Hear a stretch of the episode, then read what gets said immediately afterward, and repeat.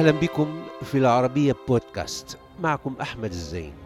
روافد لهذا الأسبوع بعنوان عالم من بلادي إطلالة على سيرة ونتاج عالم الاجتماع العراقي علي الوردي. وذلك عبر خماسية وثائقية تتضمن قراءات لنخبة من المفكرين والباحثين. أهلا بكم في الجزء الخامس من خماسية عالم الاجتماع علي الوردي. لست أريد أن يرضى عني جميع الناس. فرضا الناس غاية لا تنال. حسبي أن أفتح الباب للقراء كي يبحثوا ويتناقشوا. والحقيقة هي في الواقع بنت البحث والنقاش.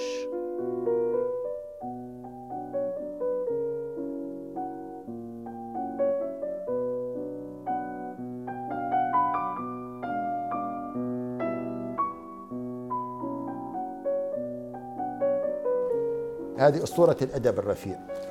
أسطورة الأدب الرفيع من أروع الكتب. هي دراسة عن أثر الأدب العربي واللغة العربية وإسقاطاتها على المجتمع وعلى الحكام وكيف تفاعلهم. هو لا يقل نقده عن دور رجال الدين في كتاب وعاظ السلاطين في نقد للشعراء. آه هذا هذا الكتاب الآخر هو علي الوردي نقد لكتاب الشعر الجاهلي طه حسين.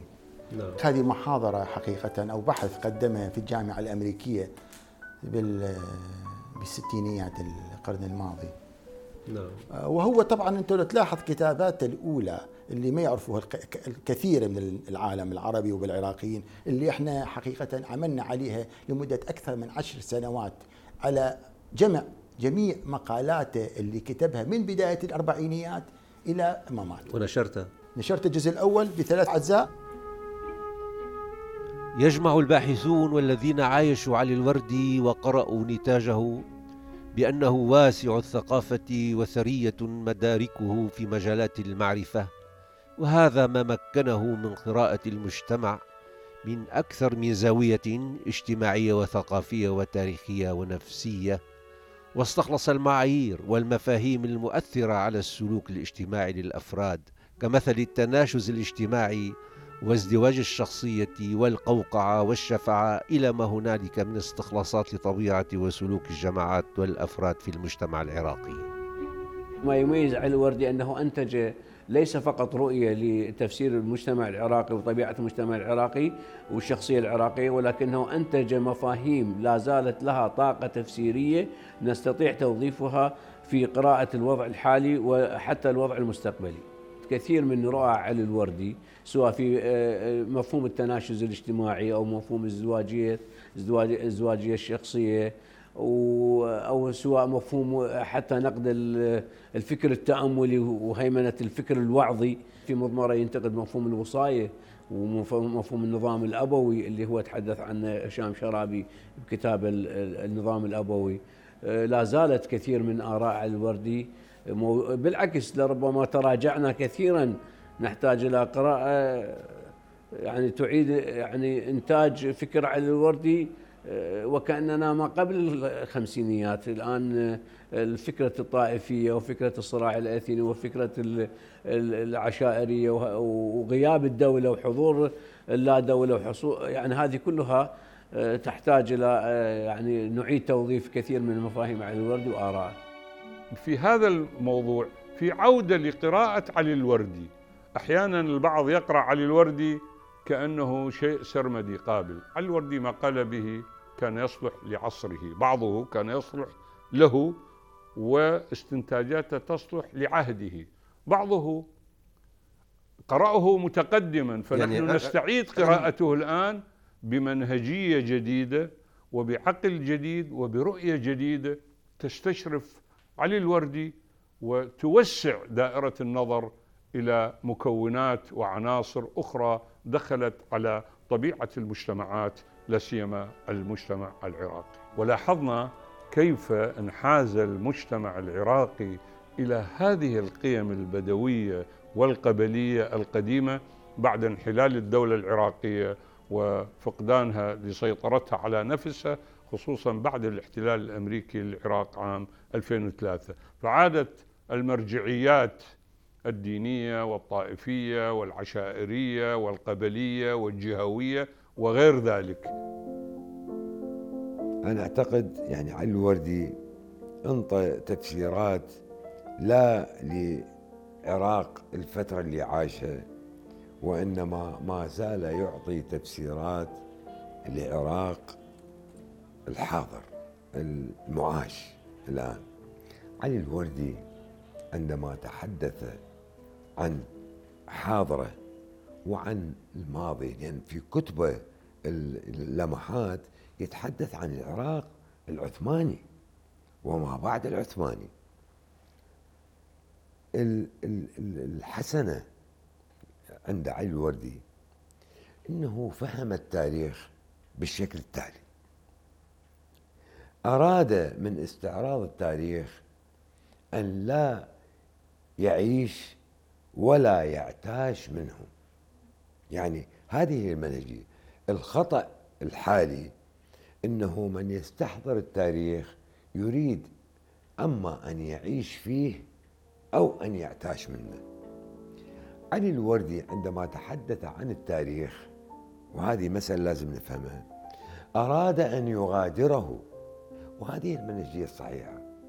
هذه الدول المتعافية تحترم تاريخها بس ما ترجع إليه حتى تعيش به داعش تستحضر التاريخ لكي نعيشه. مو يجي ونعتاش منه. فكل متطرف مذهبي هو يريد أن يستحضر التاريخ لكي يعيش فيه ويعتاش منه. علي الوردي متنور. ليش قلت في البداية؟ كان علي الوردي أو ما زال مكروها من قبل المتطرفين. لأن المتطرفين يريدون استحضار التاريخ لكي يعيشوا فيه ويعتاشوا منه منه.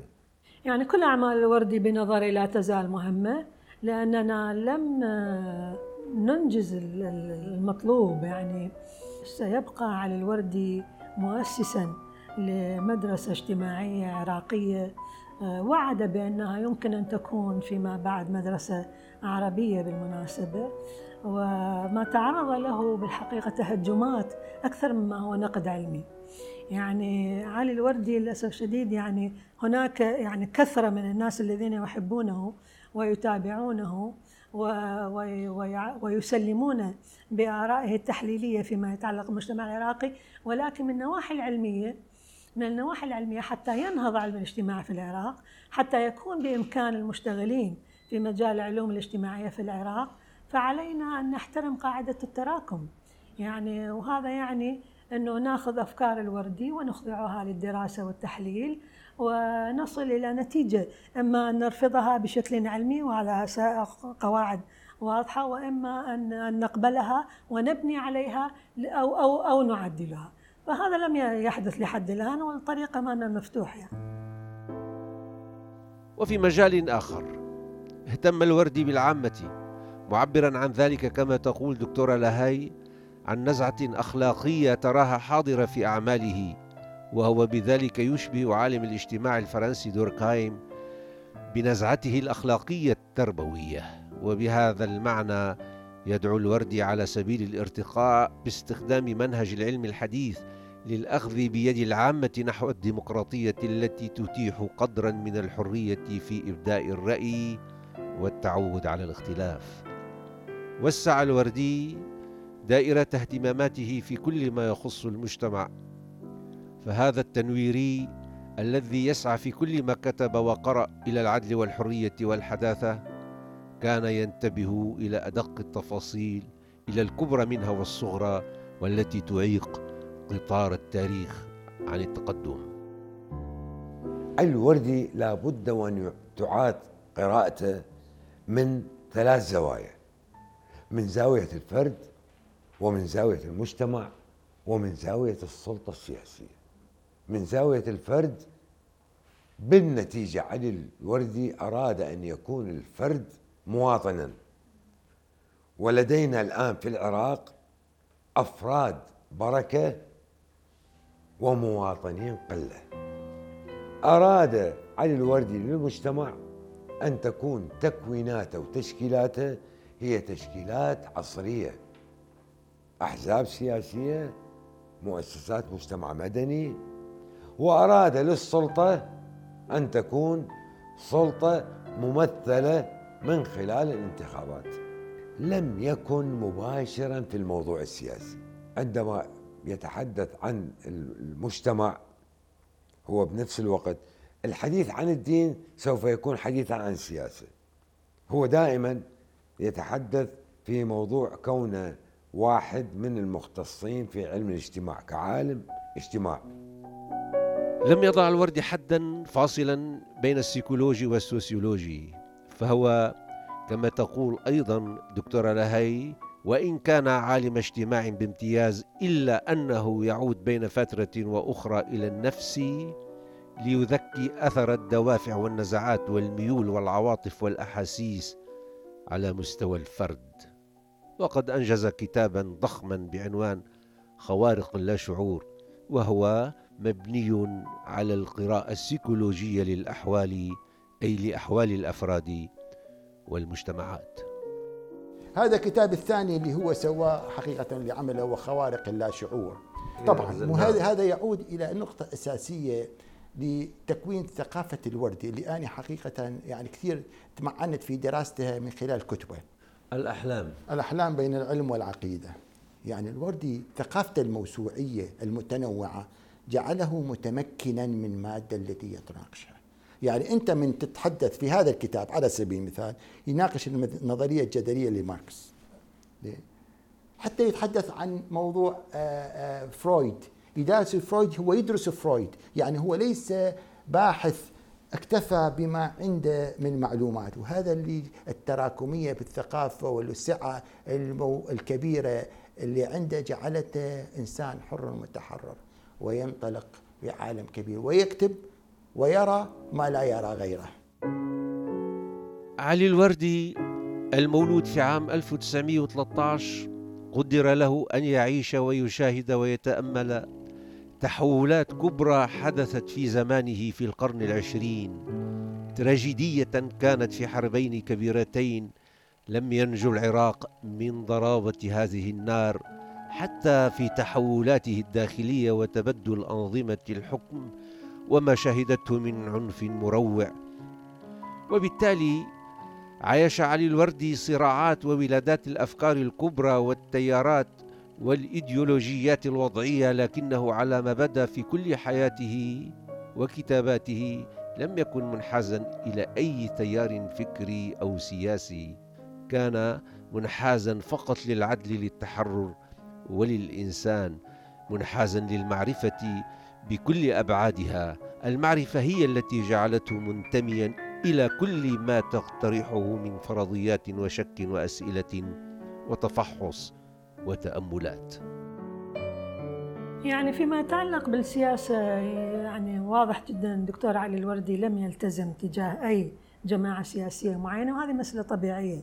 يعني نتكلم عن عالم بوزن آه، علي الوردي بالتأكيد هو لم يأخذ جانب أي جهة سياسية على وجه التعيين ولكنه بصورة عامة عرف بتوجهات تحررية ليبرالية ديمقراطية وكان مهتما بأن يكون له حضور على الساحة الثقافية في العراق.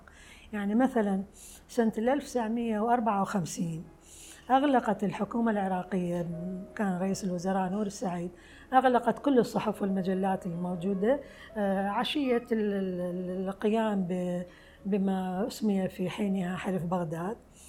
وكانت واحدة من المجلات التي أغلقت مجلة الثقافة الجديدة التابعة للحزب الشيوعي العراقي والذي كان يحظى بمكانة قوية في العراق.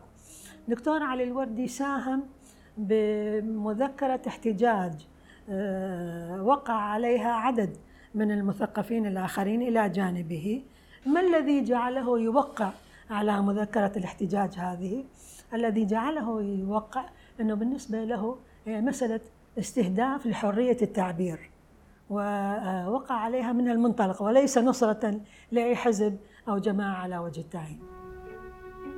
وبمقدار ما اهتم بالحريات العامة وحرية التعبير تحديدا استحضر تجربة قرة العين هي الامرأة التي يقول عنها لقد سبقت زمانها بمئة عام. وقرة العين كما يقول عنها الوردي هي من مواليد قزوين 1814 عرفت بجمالها الأخاذ وذكائها المفرط وجرأتها لقد شغلت المجتمع العراقي حين انتقلت للعيش في مدينة كربلاء مع زوجها فنادت بتحديث الأفكار والمفاهيم والشريعة وفي النهاية حكم عليها بالموت. هو حينما تحدث عن قرة العين لا يقصد فقط أنه يريد أن يشرح تاريخ قرة العين بقدر ما يسعى إلى أن يعني المضمر في هذا القول. هو يريد أن يقول أن المرأة في التاريخ العربي والإسلامي هناك لها دور ومن الممكن أن تكون هذه المرأة مؤثرة وفاعلة وتستطيع التغيير. دكتور علي الوردي تطرق إلى هذه الشخصية النسائية المهمة وتناولها ضمن كتاب اللمحات. ناولها باعتبارها يعني سبقت جيلها بقرن من الزمان على الأقل. ووصفها بأنها كانت امرأة غاية في الجمال والذكاء في نفس الوقت ومتمردة أيضا. بس بشكل عام يعني إذا ما أردنا أن نستدل على موقف الوردي آه، تجاه المرأة من خلال آه، هذه الرواية نجد أنه كان نصيرا للمرأة في كتاب آه، دراسة في طبيعة المجتمع العراقي الصادر 1965 يعني قدم مشاهد واحدة من هاي المشاهد أنه كان سعيدا جدا بازدياد عدد النساء الفتيات الصغيرات المتوجهات إلى المدارس كطالبات وأيضا فيما بعد كموظفات. وكان مستبشرا بأن بأنه ربما يعني بدأت المرأة تخطو المرأة العراقية تخطو أولى خطواتها باتجاه التحرر والاستقلال. ما تقدم من قراءة وسرد لتجربة علي الوردي هو ليس سيرة بل هو محاولة في إضاءة بعض أفكار هذا العالم. أما سيرته كما يروى أنه كتبها لكنها خبيئة في مكان ما. نعم كتبها ولعله كتب فيها أشياء لم يستطع البوح بها في زمانه أو في زمن تسلط الصوت الواحد وخفوت أصوات المبدعين والمتنورين وخفوت صوته. هناك عبارة للأستاذ مدن صالح وهو من المحبين لعلي الوردي والمزامنين له يقول كثير من الصمت صراخ. وأنا أعتقد هذه العبارة تنطبق على علي الوردي في السبعينيات لأن الحكم في العراق بدأ يتخذ ملامح واضحة في آه، يعني الحكم الحادي والفكر الشمولي والفكر الفردي. وهو يعني من حقه كإنسان أن يخشى أن يتعرض لما تعرض له كثير من المعارضين السياسيين أو الذين صرحوا ب نقد فكرة الحزب الواحد والقائد الأوحد والقائد الضرورة حتى مع فكرة الأب القائد اللي كانت مع أحمد حسن البكر أيضا هي في السبعينيات كانت موجودة. وبالتالي لم أعتقد هذا العبارة أعيدها كثير من الصمت صراخ أوكي أنا أعترض على مفردة صمت. يعني لم يصمت الوردي للحظة الأخيرة من حياته وأنا ما كان متكلما. يكتب مقالات تعرض إلى إلى مثلا آه، جدالات مع البعض من من حتى من المشتغلين في مجال علم الاجتماع. بالتأكيد النظام لعب دور بأن لا يعطينا فرصة لنرى ما الذي يقوله الوردي فيما حدث بالتسعينات والحصار وما ترتب عليه. وكل هذه الأمور وأيضا آه، الوضع الصحي. الوضع الصحي بدا يتدهور في ظل الحصار وكان بحاجة إلى أدوية. فكل هذه العوامل أنا أعتقد بالتأكيد كانت آه، من العوامل التي ساهمت بوضع لا أسميه صمت وإنما بتجميد نسبي يعني. هو بالتأكيد يعني يمكن إلى بداية السبعينات يعني نستطيع أن أن نتحدث عن فسح من الحرية. يستطيع الوردي وهو الذي تجنب السياسة حتى في العهد يعني بالخمسينات. هو عنده شجاعة الأكاديمي. لاحظ من بداية السبعينات علي الوردي بأن فسحة الحريات اللي كانت محدودة هذه كادت أن تصبح معدومة بعد السبعينات. فلذلك عليه أن يعتكف عن البوح وعن الإفصاح. واعتقد قيل بأنه كتب مذكرات قيل وما لم يستطع أن يكتبه طول فترة حياته كتب بهذه المذكرات. لا نعلم عنها شيئا. والله حسب علمي هناك مخطوطتان لعلي الوردي لدى عائلته. هي استكمال لمشروع لمحات في تاريخ العراق المعاصر. نسمع عنها كلام ولكن يبدو العائلة لحد الآن لم تعطيها لأي جهة لنشرها. يعني أنا أتحدث لك أخي ذهب إلى بيته اللي كان كان يوديه حقوق النشرية وكان جالس عنده بالبيت وكان عنده مجموعة من الكتب. محطوطة خالها في في في انفلوب مغلفات سمراء. فقال بس يعني مخطوطات. مخطوطات. هاي كلها أريد انشر لي إياها ماجد وأنا لم أستلم نسخة واحدة من عندها من أي شيء من هذه. وين ذهبت؟ الله أعلم. حتى مذكراته مذكرات وين ومذكرات أنا أنا أنا أتحدث لك سنة 1900 قبل موته تحدثت وياه بالمستشفى في مستشفى كان في بالبيت يعني في عمان. وقال لي أنا لا أبعث لك وأنا ذكرتها في كتاب دراسة في السوسيولوجي قال لي أبعث لك ثلاث أشياء. كتاب تكملة لمحات اجتماعية جزء السابع والثامن والتاسع اللي لمحات 63 وأبعث لك مذكراتي وأبعث لك كتاب العمر. كتاب هو من ست أجزاء. من لم ينشر أيضا؟ ولم ينشر ولا أعرف أين حل به الذهب لابد أنه كتب اشياء كثيرة. ولم يكشف عنها بعد وتحتاجها أقلام الباحثين والأكاديميين والطلاب والقراء كي تكتمل صورة هذا العالم وتكتمل معرفتنا به وبما سكت عنه أو كتبه ولم ينشر. وما تم من دراسات وأبحاث سابقة خاصة في تلك الندوة التي عقدت في الجامعة الأمريكية في بيروت سنة 2013 وفي الذكرى المئوية الأولى لميلاده والتي صدرت في كتاب تحت عنوان علي الوردي منظورات متنوعة تبدو هذه الدراسات التي شارك فيها علماء ومفكرون كبار في المعرفة بمثابة تأسيسات أولى لقراءة المنجز العام والشامل لهذه القامة التنويرية. آمل أن تكون هذه السلسلة من القراءات في سياق روافد. قد أضافت شيئا إلى قراءة علي الوردي عالم من بلادي. أعزائي يمكنكم متابعة روافد على مواقع التواصل الاجتماعي تويتر وفيسبوك ويوتيوب. كما يمكنكم الاستماع إلى روافد على العربية بودكاست.